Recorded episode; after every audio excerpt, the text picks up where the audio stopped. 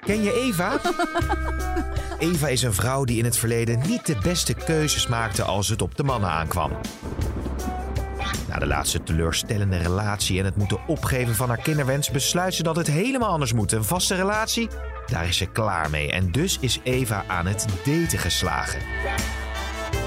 Dit is het Dagboek van Eva, een podcast van Vrouw.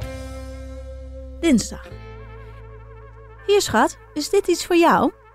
Ivo gooit met een klap een tijdschrift op mijn bureau en slaat het open op een pagina waar ik twee vrouwen met een man samen in de camera zie lachen. Ik weet meteen waar dit over gaat en trek het blad iets wat gegeneerd naar me toe. Ik zie mijn collega aan de overkant al nieuwsgierig naar me kijken. Polyamorie, meid. Dan leef je dus lekker met z'n allen onder één dak en slaap je bij elkaar in bed. Kun je er nog een extra man bij scoren ook, wat jij wil. Alles is mogelijk. Ivo fluistert het zachtjes in mijn oor en ik moet er vreselijk om lachen. Schat, ik zou samenwonen met één iemand al niet trekken, laat staan met een halve harem. Nee joh, dit is leuk voor nu, maar daar gaan we echt geen gewoonte van maken. Ineens kijkt Ivo me bloedserieus aan. Even wat anders. Ik loop er al een tijdje mee rond, maar ik zou graag op yoga gaan. Ik moet weer keihard lachen en merk dat er nu meerdere collega's gepikeerd opkijken. Stelletjes chagrijnen. Het wordt tijd dat ik eens ga uitkijken naar een andere baan. Ik ben het zat hier. Misschien begin ik wel wat voor mezelf. Of misschien moet ik maar eens met Ivo mijn voorzichtige plannen bespreken, schiet het door mijn hoofd. Maar daar gaan we het nu niet over hebben. Ivo wil op yoga. Ik wil dat jij met me meegaat. Schat, alsjeblieft. Ik ben zo sportief als een werphengel.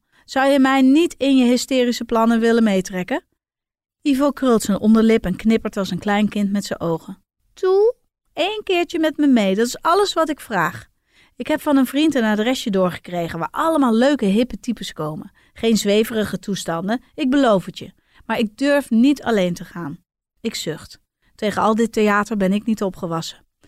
Oké, ik ga één keer met je mee, maar daarna zul je toch echt alleen moeten gaan. Ivo klapt in zijn handen, springt van mijn bureau en loopt de afdeling over. Als ik een van onze collega's vermoeid met zijn ogen naar een andere collega zie rollen, weet ik het zeker. Mijn langste tijd hier heb ik wel gehad. Donderdag.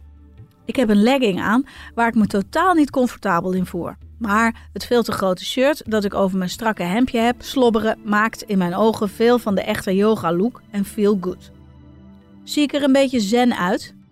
Ik hou, om een vraag kracht bij te zetten, voor een paar seconden mijn ogen dicht en sluit mijn duim en wijsvinger tegen elkaar aan. Ivo schudt meewarig zijn hoofd. Ik had je nooit mee moeten vragen. We lopen de ruimte binnen waar de les gegeven wordt en mijn oog valt meteen op de yogadocent. Een man.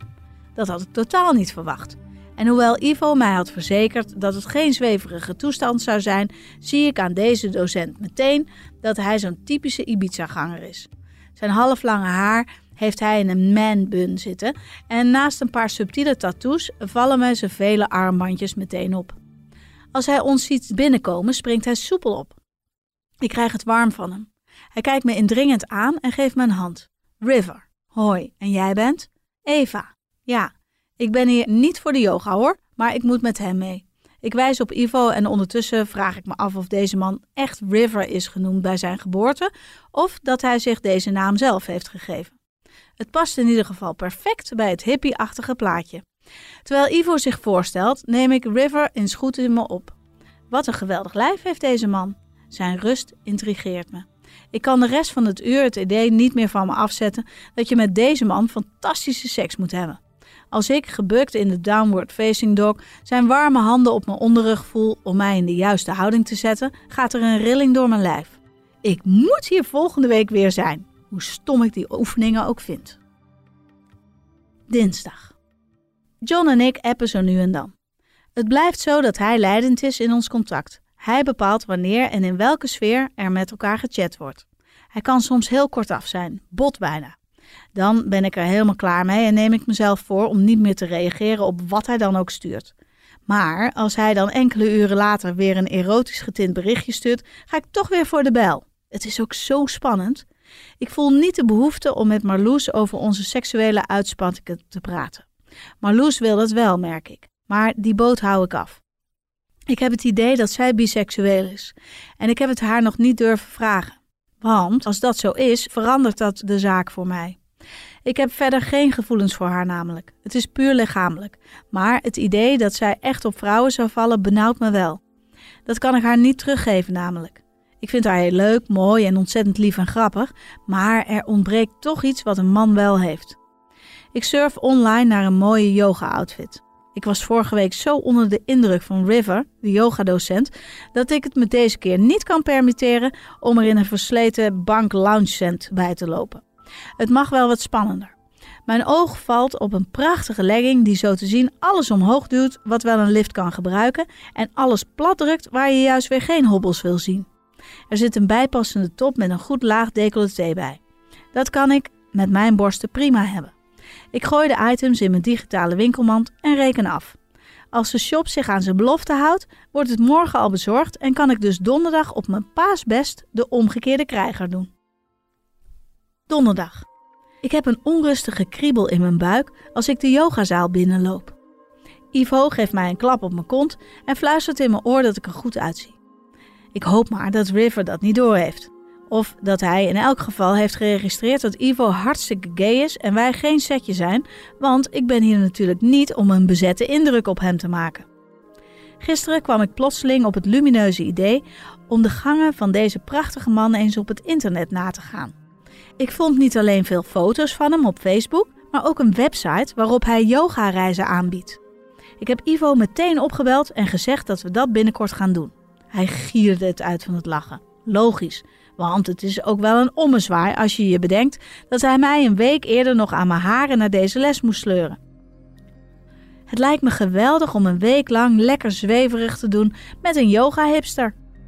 Ik begrijp mijn eigen emotie daarin ook niet, want normaal gesproken val ik dus veel meer op het type foute zakenman. Maar deze River die heeft iets waar ik helemaal week van word. Ik rol mijn matje uit en ontvang blozend de knipoog die hij me geeft.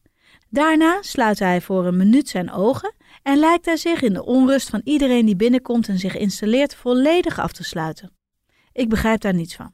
Ik ben zo ongeconcentreerd, zelfs een mug op de muur kan me uit mijn concentratie halen. Ivo heeft zijn matje inmiddels ook uitgerold en hij kruipt even naar me toe. Weet je wat ik denk? Dat hij zo'n man is die aan tantra-seks doet. Ik kijk Ivo met grote ogen aan. Ook dat nog. Ik vond het al spannend, maar nu vind ik het helemaal een must dat ik ooit met deze man in bed beland. Woensdag. Ik twijfel of ik naar bed zal gaan of toch nog een aflevering van een serie ga kijken. Ik zit er net zo lekker in, maar een goede nachtrust kan geen kwaad. Net als ik de knoop door heb gehakt en dan toch maar weer op play heb gedrukt, gaat de bel. Ik kijk op mijn telefoon. Het is half elf. Ik sta op en ga ervan uit dat het Ivo is, die weer iets niet in huis heeft en bij mij komt winkelen. Dat doet hij namelijk regelmatig sinds hij bij mij in het appartementencomplex woont. Of hij komt nog even langs om de stilte van zijn avond wat op te vullen. We zijn allebei helemaal oké met het single zijn, maar het is gewoon zo nu en dan echt behoorlijk alleen zo in je eentje. Ik open de voordeur en zie John staan. Omdat ik zeker drie dagen niks van hem gehoord heb, zit hij totaal niet in mijn systeem. Hey, wat doe jij hier? Het komt er wat onvriendelijk uit. Zo bedoel ik het niet. Snel herstel ik me. Sorry. Ik ben verbaasd dat jij hier op dit tijdstip langskomt. John is nog nooit in zijn eentje bij mij thuis geweest, schiet het door mijn hoofd. Ik was in de buurt en ik zag licht branden, gooit hij er cliché in. In de buurt? Hier? Wat moet een mens nou hier in deze uithoek? Nou, mag ik nog binnenkomen of niet? Ik schiet in de lach. Natuurlijk mag hij binnenkomen. Ik had het gezellig gevonden als Ivo een kopje suiker kwam lenen, maar dit is een stuk spannender. Als hij voor me uit de woonkamer inloopt, bedenk ik me dat ik blij ben dat ik er nog een beetje fatsoenlijk bij zit. Er zijn ook avonden dat ik make-uploos in een oude joggingboek op de bank hang met een fles wijn en een reep chocola of een zak chips. Maar ik was er dit keer nog niet aan toegekomen me af te schminken. Wijntje? John knikt. Van vroeg naar bed gaan komt nu helemaal niks meer, vermoed ik. Als ik in de keuken een fles ontkurk, vraag ik me af in hoeverre Marloes ervan op de hoogte is dat hij hier is. En of ze het een probleem zou vinden. Ik besluit het John te vragen. Weet Marloes hiervan? Hij kijkt me ondeugend aan. Eve, maak jij je nou niet ineens zorgen om Marloes? Wat wij ooit hebben gehad is niet meer en daar kunnen we ons alle drie prima in vinden. Het is puur iets seksueels, wat wij met z'n drietjes doen. Ik moet vandaag de hele dag aan je denken, aan je lijf, aan je mond, aan je borsten. Ik had en heb zin in je en inderdaad, het was niet toevallig dat ik in de buurt was. Ik hoopte dat je thuis was. Er trekt een warme gloed door mijn lijf als ik eraan denk, waar dit zo op uit gaat draaien. Vanavond en vannacht heb ik deze man voor mij alleen.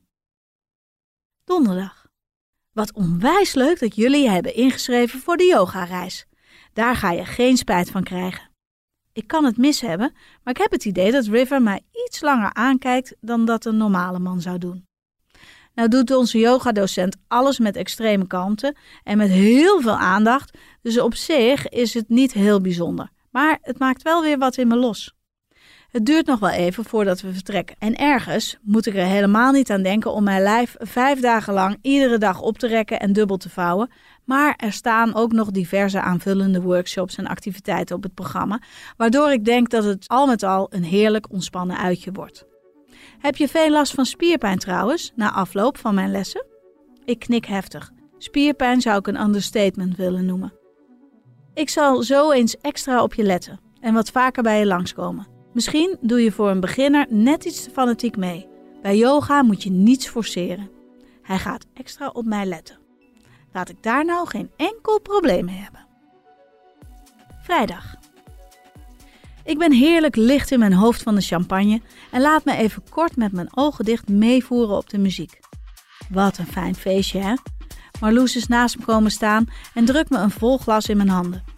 Kan ik misschien bij jou blijven slapen vannacht? Kunnen we de taxikosten delen en morgen heb ik toch geen planning. Doen we lekker rustig aan. Uitslapen, samen ergens ontbijten. Ik kijk haar aan en zie aan haar ogen dat het om meer gaat dan alleen het delen van de taxikosten. Ze heeft een sexy sparkle in haar ogen die ik nog niet eerder heb gezien. Nog voordat ik antwoord kan geven, komt ze met haar mond naar mijn oor toe. Kruip ik gezellig tegen je aan vannacht.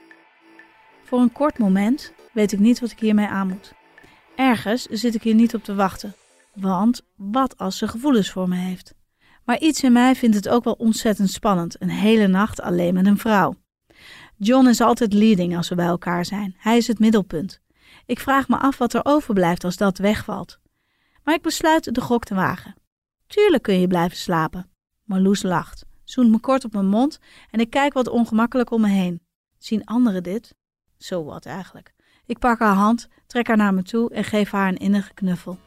Ik hou van je vriendin, roep ik wat euforisch. Het is de alcohol, de sfeer, het geweldige nummer dat opstaat. Ik geniet zo van het moment dat ik het wel uit kan schreeuwen van geluk. Zaterdag. Ik ben al wakker en luister in stilte naar de rustige ademhaling van Marloes die naast mij ligt te slapen. Mijn telefoon ligt op en ik zie dat John me appt. Of ik thuis ben vanavond. Ik besluit naar hem toe in elk geval meteen open kaart te spelen. Dat ik hem vorige week alleen heb gezien, weet Marloes nog steeds niet. Maar dat zij nu naast mij ligt, wil ik niet voor hem verborgen houden. Ik lig in bed, niet alleen, heb ik hem terug zonder op zijn vraag antwoord te geven. Hij stuurt alleen een vraagteken terug en ik maak snel een foto van de haardos van Marloes die net boven het dekbed uitsteekt. Dat moet hij wel herkennen. Er volgt inderdaad een smiley. Ah, de dames spreken dus ook zonder mij in bed af. Ik voel me nu wel een beetje buitengesloten. Dat kun je goed maken door mij nu alsnog uit te nodigen of vanavond een gaatje voor me vrij te houden in je drukke agenda. Ik twijfel geen seconde. Ik heb onze vrijpartij van vorige week nog kraakhelder op een netvlies staan en heb enorm van zijn exclusieve aandacht genoten. Dat wil ik heel graag nog een keer. Laat mij maar even bijkomen van afgelopen nacht en dan zorg ik dat ik vanavond enkel en alleen voor jou weer helemaal topfit bij lig en zit, stuur ik plagerig terug. Naast me draait Marloes zich om. Ze slaat haar arm om me heen en ik voel haar zachte vingers over mijn buik naar beneden glijden. Daar schrik ik van. Gisteravond vond ik het allemaal in de roes van alcohol prima, maar nu heb ik er toch meer moeite mee. Ik ga even plassen, zeg ik, en snel laat ik me het bed uitglijden. Ik trek een badjas aan en besluit me op de terugweg te storten op koffie en vers geperste jus. Misschien moet ik zo toch maar een gesprek met haar aangaan en eerlijk zeggen dat het voor mij prima is, zo nu en dan, maar dat het echt alleen maar lichamelijk is. Ik hoop alleen dat ik haar daar niet mee voor het hoofd stoot. En ik hoop al helemaal niet dat het onze vriendschap in de weg zal zitten. Wil je de volgende aflevering van het dagboek van Eva niet missen? Abonneer je dan in je favoriete podcast-app.